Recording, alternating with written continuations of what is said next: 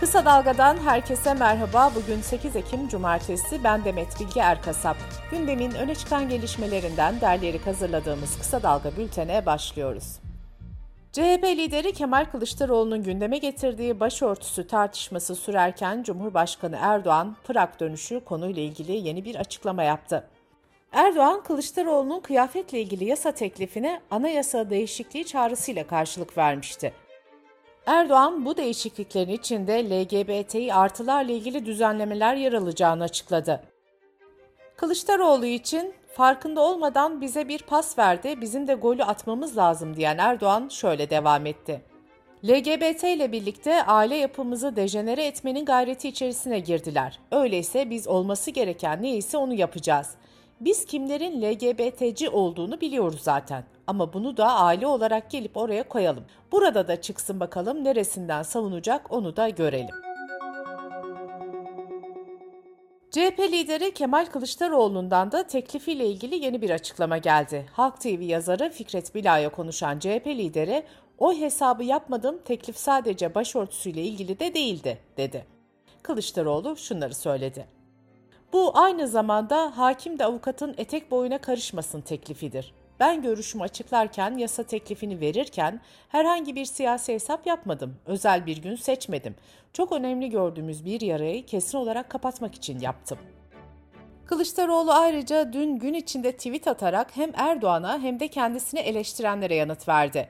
Erdoğan'a başörtülü kadınları rehine olarak elinde tutabilmek için konuyu alakasız yerlere taşıdın diye seslenen Kılıçdaroğlu, ben siyasal hayatımın sonunda miras olarak ardımda barışık bir Türkiye bırakacağım. Bu riski almak zorundayım. Başarılı olur muyum bilmiyorum ama deneyeceğim dedi. Millet İttifakı'nın ortağı İyi Parti Genel Başkanı Meral Akşener de başörtüsü tartışması ile ilgili ilk kez açıklama yaptı ve bunu doğru bulmadığını söyledi.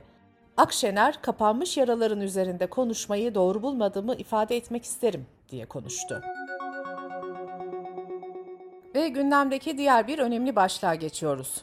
Erdoğan dün Prag'dan döndükten sonra Şahkulu Sultan Dergahı ve Cemevi'nde düzenlenen Cemevleri temel atma ve toplu açılış törenine katıldı. Erdoğan uzun süredir dile getirilen Alevi açılımını şu sözlerle duyurdu. Alevi Bektaşi vatandaşlarımız için kurumsal yapı kuruyoruz. Alevi Bektaşi Kültür ve Cemevi Başkanlığı cemevlerinin tamamının yönetimini yürütecektir. Cemevi hizmetlerinden eğitim faaliyetlerine kadar tüm çalışmalar kamu desteği ve denetim ile yürütülecek. Cemevlerinin aydınlatma, içme ve kullanma suyu, bakım giderlerinin karşılanması ile ilgili tüm sorunlar çözülmüş olacak. Cemevlerinde hizmetleri yürütmekten sorumlu inanç önderlerinden talep edenlere kadro verilecek. AKP ve MHP tarafından hazırlanan 40 maddelik sansür yasası teklifinin Meclis Genel Kurulu'ndaki görüşmelerinde 14. maddede kabul edildi. Basın Kartı Komisyonu'nun üye sayısı AKP ve MHP'nin komisyonun daha çoğulcu ve katılımcı hale getirilmesi amacıyla verdiği önergenin kabul edilmesiyle 9'dan 19'a yükseltildi. Bu arada sansür yasasına uluslararası basın örgütlerinden de tepki geldi. 21 basın örgütü tarafından yapılan açıklamada şöyle denildi. Türkiye'nin son derece siyasallaşmış yargısı tarafından denetlenen tasarı 2023 seçimleri öncesinde kapsamlı bir sansüre ve otosansüre yol açacaktır. Sayıştay raporuna göre Gelir İdaresi Başkanlığı ihbar ikramiyesi kapsamında geçen yıl 11 milyon 618 bin lira ödeme yaptı. Sayıştay denetçisi bu durumla ilgili raporunda şu değerlendirmeye yer verdi. Bu tablo göstermektedir ki muhbirlik bazı kimseler tarafından adeta meslek gibi icra edilmektedir. Montreux bildirisi nedeniyle anayasal düzene karşı suç işlemek için anlaşmakla suçlanan emekli amirallerin yargılandığı davanın duruşmasında savcılık mütalasını açıkladı. Savcı 91 sanığın beraatini isterken 12 sanığın cezalandırılması yönünde mütalaa verdi. Duruşma 12 Aralık'a ertelendi.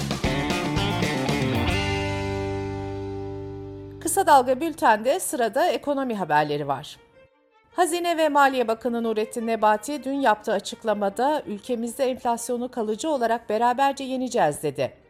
Önceliğimiz üretim ve istihdam diyen Nebati, ülkemizi İslami finansın lider ülkelerinden biri haline getirmek için çalışmalarımız sürüyor.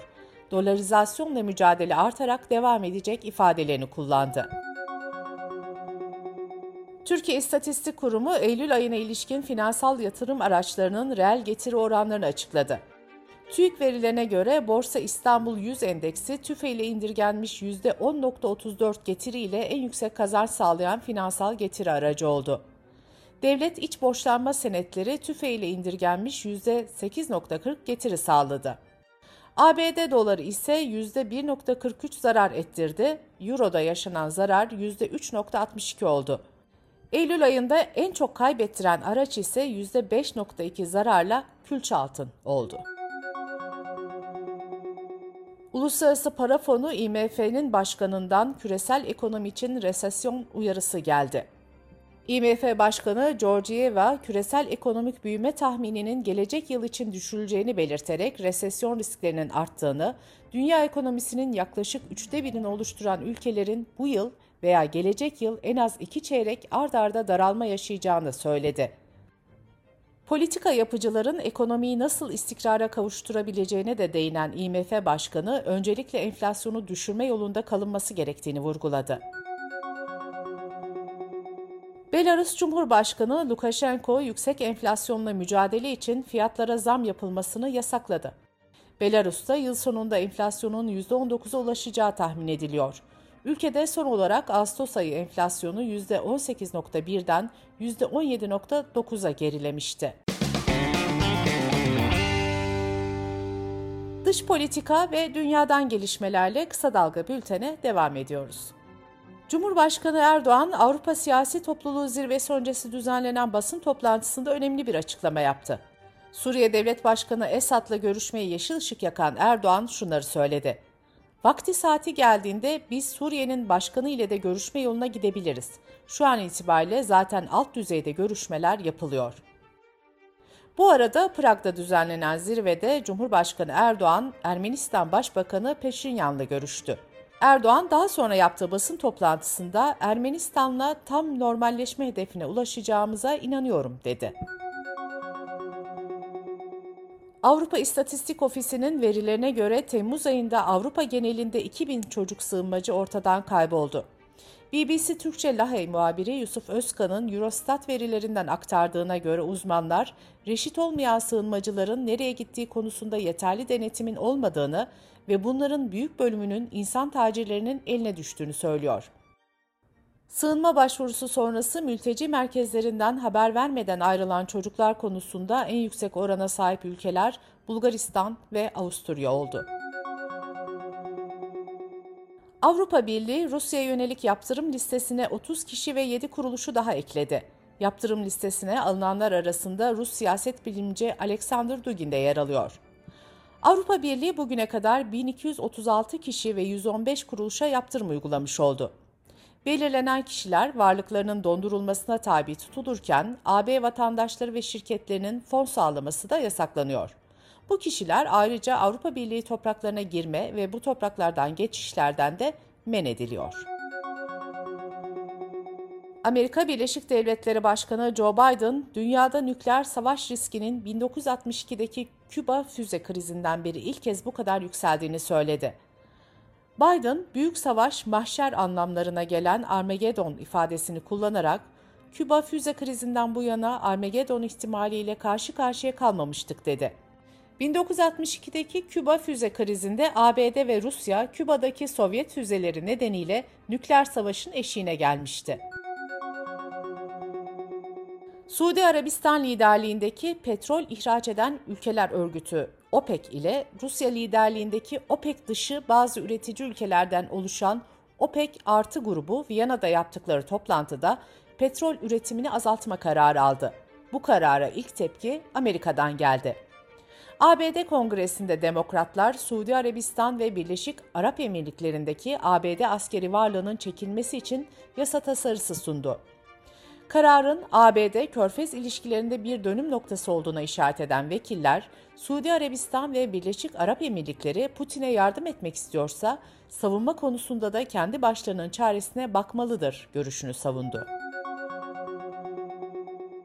İngiltere'de Oxford Üniversitesi'nde yapılan bir araştırma sağlam ve kalıcı dostluklar kurulmasının formülünü inceledi. Araştırmada 2000 yetişkine arkadaşlıkları ile ilgili sorular soruldu. Araştırma sonuçlarına göre bireyler hayatları boyunca 150 anlamlı ilişki kuruyor. İnsanların 5 çok yakın arkadaşı, yaklaşık 15 iyi arkadaşı, 50 sosyalleştiği arkadaşı ve kabaca 150 tanıdığı olabiliyor. Bültenimizi kısa dalgadan bir öneriyle bitiriyoruz. Tezcan Karakuşcan'dan yıllardır Ankara Mimarlar Odası Başkanı olarak kente karşı işlenen suçların karşısında duruyor. Birçok yıkımı engelledi, bazılarını engelleyemediyse de işlenen suçları kayıt altına aldı. En çok Melih Gökçek'le uğraştı. Ve sonunda İçişleri Bakanlığı Candan'ın Çankaya Belediyesi'ndeki memuriyetinden ihracına karar verdi. Kısa Dalga yayın yönetmeni Kemal Göktaş, Candan'la Cumhuriyet'in Ankara'da yaratmaya çalıştığı kent kültürünü, Ankara'da kent kültürüne karşı işlenen suçları ve memuriyetten ihraç kararını konuşuyor. Kemal Göktaş'ın söyleşisini kısa dalga.net adresimizden ve podcast platformlarından dinleyebilirsiniz. Gözünüz kulağınız bizde olsun. Kısa Dalga Medya.